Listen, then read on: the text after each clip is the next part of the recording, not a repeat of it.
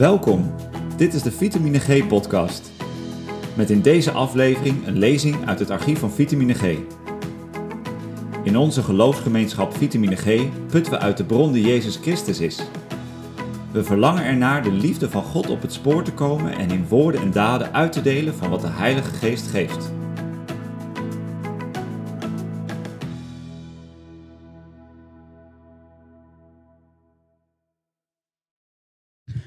Vandaag eh, de schriftlezing voorlezen en we beginnen met Psalm 8.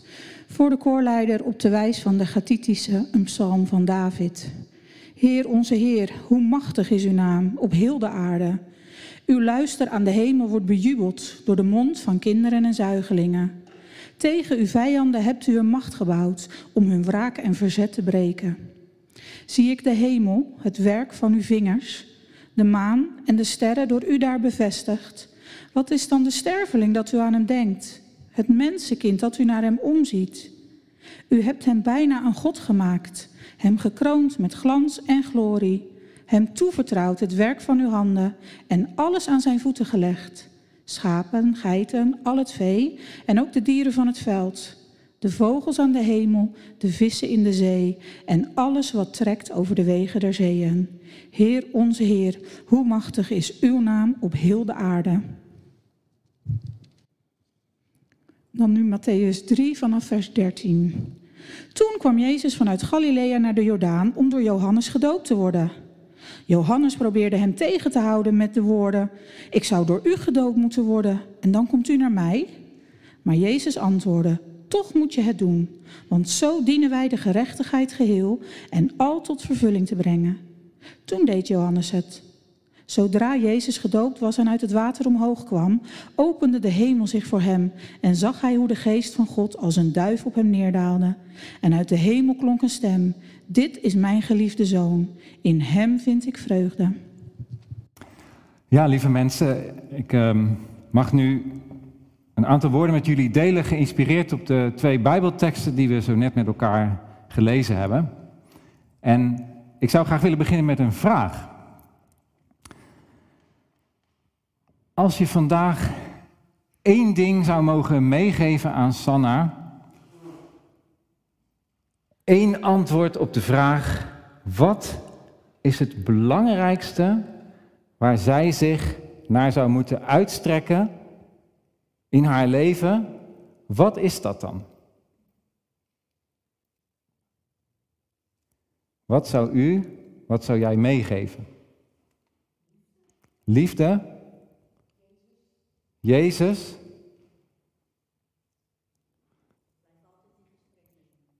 In gesprek met, met God blijven. Misschien de, de tieners hier, wat, wat zouden jullie nou aan Sanna willen meegeven? Wat vind je het allerbelangrijkste? Dat ze blijft geloven. Oké, dank jullie wel. En we kunnen hem ook wat breder stellen, deze vraag. Wat is nou eigenlijk de plaats die we als mens mogen en moeten innemen in deze wereld? Vandaag staan we stil bij een aantal punten die we daarover uit de Bijbel, vanuit het christelijk geloof, kunnen noemen. We hebben net twee gedeelten uit de Bijbel gelezen, om te beginnen met Psalm 8. Psalm 8, een lied uit de Bijbel, een van de 150 psalmen. Het is een psalm die onder meer ingaat op de vraag: wat is de plaats van de mens? En wat is de roeping van de mens op deze aarde? De psalm gaat over nog meer dan dat. In de eerste plaats gaat de psalm over God. Het begint en eindigt met de woorden: Heer onze Heer, hoe machtig is uw naam op heel deze aarde?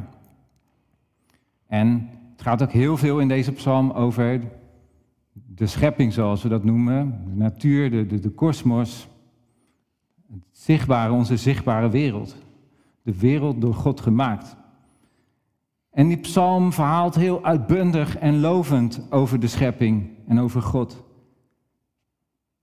Ik las iemand die zei over deze psalm, over psalm 8, het is eigenlijk een soort psalm van de stargazers in het Engels, de sterrenstaarders. Ofwel mensen die in het heelal turen en daar helemaal lyrisch over zijn. Of, zo je wil, mensen die naar de natuur kijken en zich eraan vergapen. En daar vol vuur over spreken. En waarvan sommigen, zoals de maker van deze psalm, daar de hand van God in zien. En God bedanken. En God eer geven. En als we dan kijken naar wat deze psalm zegt over de plaats van de mens in dat alles, wat staat er dan?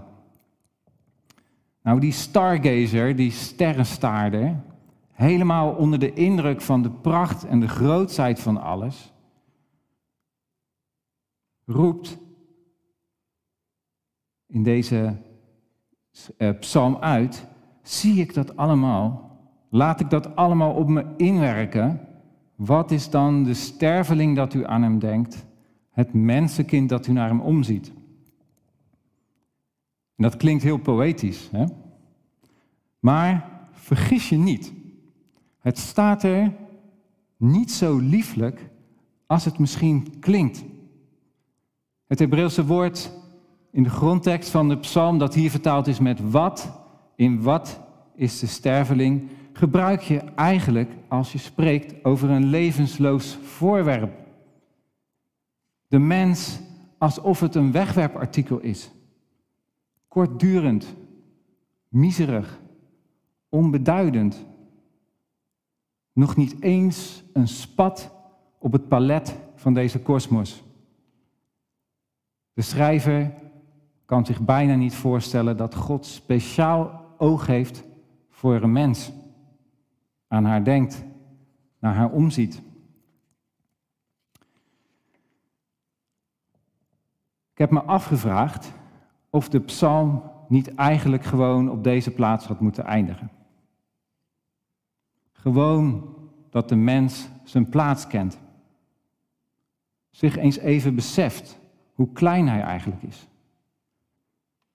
Dat hij zich niet zo groot en belangrijk moet maken.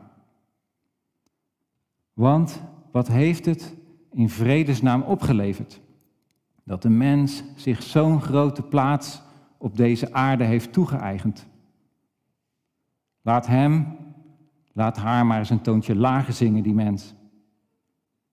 Is het niet voldoende voor ons om te weten uit de psalm dat God, ondanks onze kleinheid, toch wil omzien naar ons?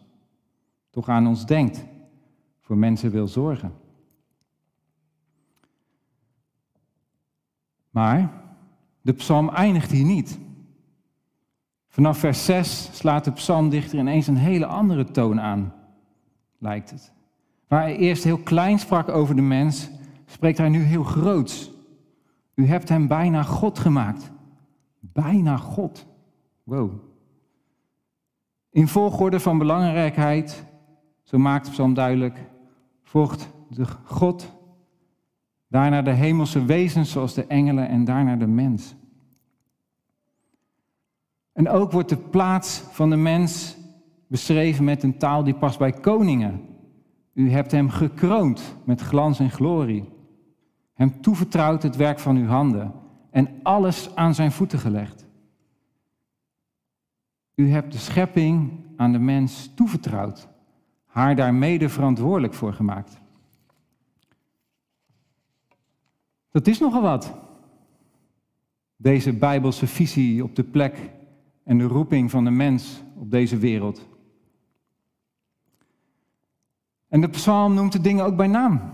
De dingen waarvan God de mens de opdracht heeft gegeven om daarvoor te zorgen, te heersen zoals een goede koning.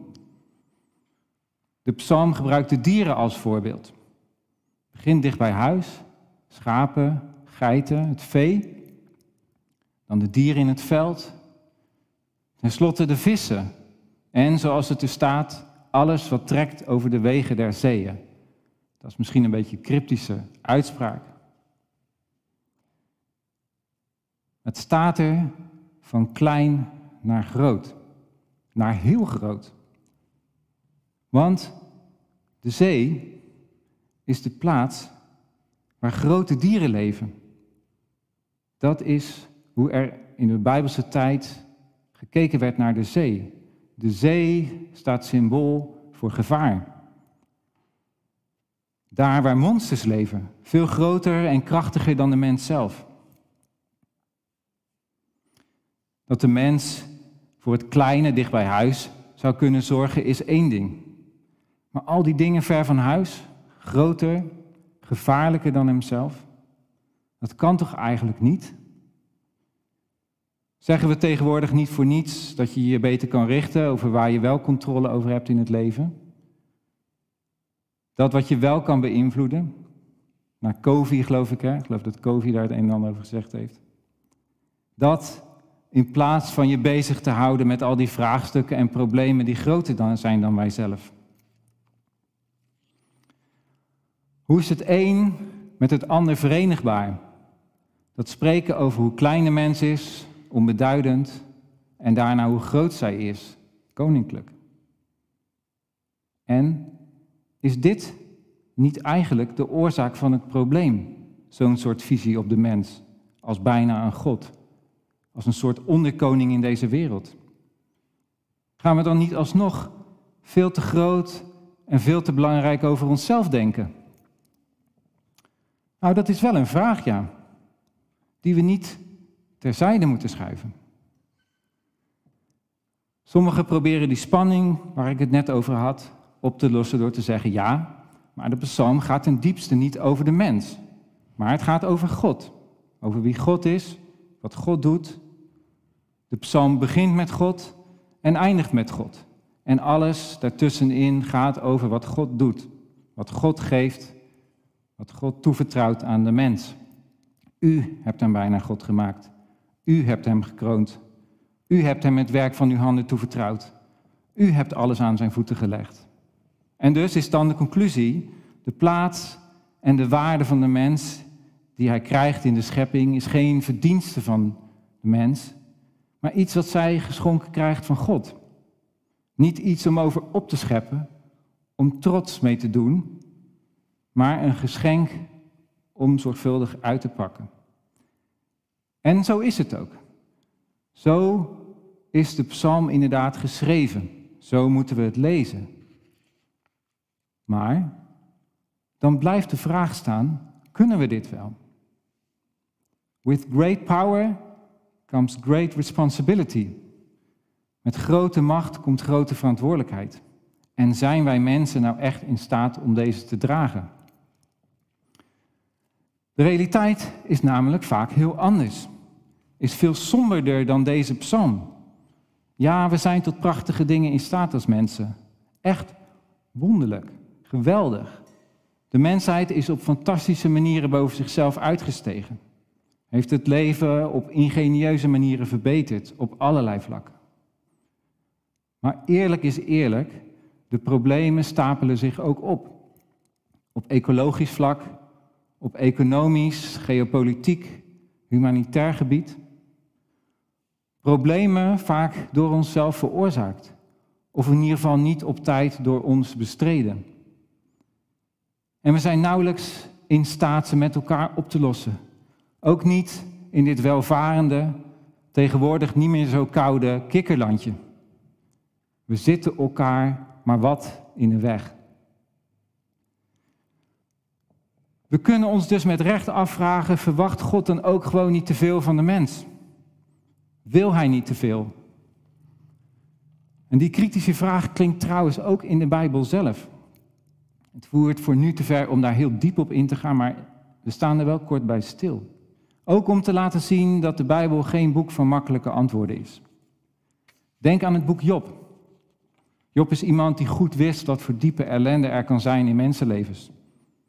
In Job hoofdstuk 7 horen we dat Job zich afvraagt of God de mens niet beter gewoon met rust kan laten. Ik lees een stukje waarin Job allerlei van dat soort vragen op God afvuurt. Er staat, waarom acht u de mens zo hoog? Waarom krijgt hij al die aandacht van u?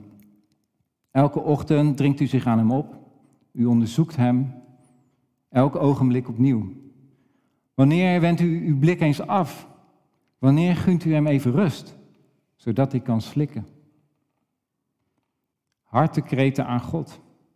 Begrijpelijke vragen. Vragen die je door het hart snijden. Vragen zoals wij ze misschien ook wel kunnen hebben, of soortgelijk. God, hoe dan? Ik kan niet voor God spreken. Ik kan al deze doordringende vragen niet oplossen. Maar wat ik wel kan doen, is wijzen op de persoon Jezus. In het Nieuwe Testament, tweede deel van de Bijbel, gebeurt er met de komst van Jezus iets heel opmerkelijks. Met name vandaag als we het hebben over Psalm 8. Want Psalm 8, de psalm die we net gelezen hebben en waar we het vandaag over hebben, die krijgt een hele bijzondere rol, een hele bijzondere invulling. De woorden uit de psalm worden niet langer op de mensheid toegepast, maar op één mens, op Jezus. Aan Hem heeft God de wereld toevertrouwd, lees je op diverse plekken in het Nieuwe Testament. Aan Hem is alles aan zijn voeten gelegd. Bekende woorden, hè? Jezus is de koning van deze wereld. Dat is wat het Nieuwe Testament daarover zegt, met het oog op Jezus. En wat betekent dat nou? Nou, ik zou hier nog een hele lange preek aan vast kunnen koppelen. Dat ga ik niet doen, maar ik ga wel proberen om de essentie daarvan uit te leggen. Jezus is een bijzonder mens. Hij is God die zelf mens is geworden. De Bijbel zegt over Jezus, hij is de nieuwe mens. En dat betekent, hij is de mens door wie God een nieuwe start heeft gemaakt. En dat is waarom ik vandaag voor gekozen heb om net ook te lezen uit Matthäus 3, vers 13 tot 17. Want daar zien we dat gebeuren. God heeft niet zijn handen van de mens afgetrokken. Nee, God maakt een nieuwe start met mensen. Want daar lezen we dat God zijn liefde uitspreekt over deze nieuwe mens, over Jezus, Gods zoon. Dit is mijn geliefde zoon, in hem vind ik vreugde. En door Jezus spreekt God zijn liefde ook uit over ons. Jezus' werk was en is om verlossing te brengen. Dat betekent, Jezus heeft iets gedaan en door Jezus is iets gebeurd, waardoor er een uitkomst is gekomen voor het probleem dat wij als mensen ten diepste zelf niet het hoofd kunnen bieden. Dat probleem dat wij hebben, zou je kunnen samenvatten als volgt. Het is alles waarin we onszelf groot en belangrijk maken ten koste van Gods schepping, ten koste van anderen, ten koste van onszelf en ten koste van God. Of ook alles waarin we onszelf juist te klein maken. Waarin we niet gaan staan in de plaats en de roeping die God voor mensen bedoeld heeft op deze aarde. En dat wezenlijke probleem van mensen, daar heeft Jezus een uitkomst, voor een uitkomst gezorgd. Namelijk door die last, die onmacht, die schuld te dragen en daarvoor voor ons te sterven. Jezus is de koning geworden. Een koning aan het kruis. En God heeft hem uit de dood opgewekt de ultieme overwinning. Zelfs de dood kan het plan van God, die we al door de hele Bijbel heen zien, niet meer dwarsbomen. En de Bijbel zegt ook, in het Nieuwe Testament ook, dat we nog wachten op het moment dat we dat ten volle zullen zien. Maar, zo staat er, we mogen weten dat Jezus is verheerlijk met eer en glorie. Hij is de koning geworden van Psalm 8. De wereld is in zijn goede handen. En wat betekent dat voor ons, mensen? De vraag waar ik mee begon, waar mogen wij, waar mogen wij ons naar uitstrekken? Is Psalm 8 dan nog voor ons, op ons van toepassing? Ja. Ja, het is op ons van toepassing. Maar we kunnen niet langer meer buiten Jezus denken. In Jezus, met Jezus hulp, door Jezus' liefde en zijn verlossing. Zijn dood en opstanding mogen we het juist gaan uitleven. Mens. Mens, je bent klein, kwetsbaar, maar door God en door Jezus gekoesterd. Zijn wereld is wonderlijk gemaakt. En hij heeft jou uitgekozen. Niet om groot en belangrijk te zijn, maar om zorg te dragen. Om alles wat geschapen is te koesteren. Om het best met de ander voor te hebben en daar ook echt actie aan te verbinden. Om oog te hebben voor dat wat kapot is, van wat niet klopt, voor wat gebroken is en voor wie verdrietig zijn. Trouw te zijn in het kleine en ook in het grote. Daar te beginnen. Kijk naar Jezus, volg Hem. Ik wil graag afsluiten met een gedicht dat Carina en Jeffrey lieten zien toen we in de voorbereiding van deze dienst met hen spraken. Het is een Engelstalig gedicht van William Martin met de titel Do not ask your children to strive. En voor wie het Engels misschien niet zo machtig is, de essentie van het gedicht is: draag je kinderen niet op te streven naar het buitengewone, naar geweldige levens, maar leer ze om het wonder van de gewone dingen te zien en te proeven. Te zorgen voor de mensen, voor de dieren om hen heen. En het buitengewone zal zichzelf laten zien. Ik zal het voorlezen. Do not ask your children to strive for extraordinary lives. Such striving may be admirable, but it is a way of foolishness. Help them instead to find the wonder and the marvel of an ordinary life. Show them the joy of tasting tomatoes, apples, and pears. Show them how to cry when pets and people die. Show them the infinite pleasure in the touch of a hand and make the ordinary come alive for them. The extraordinary will take care of itself. Amen.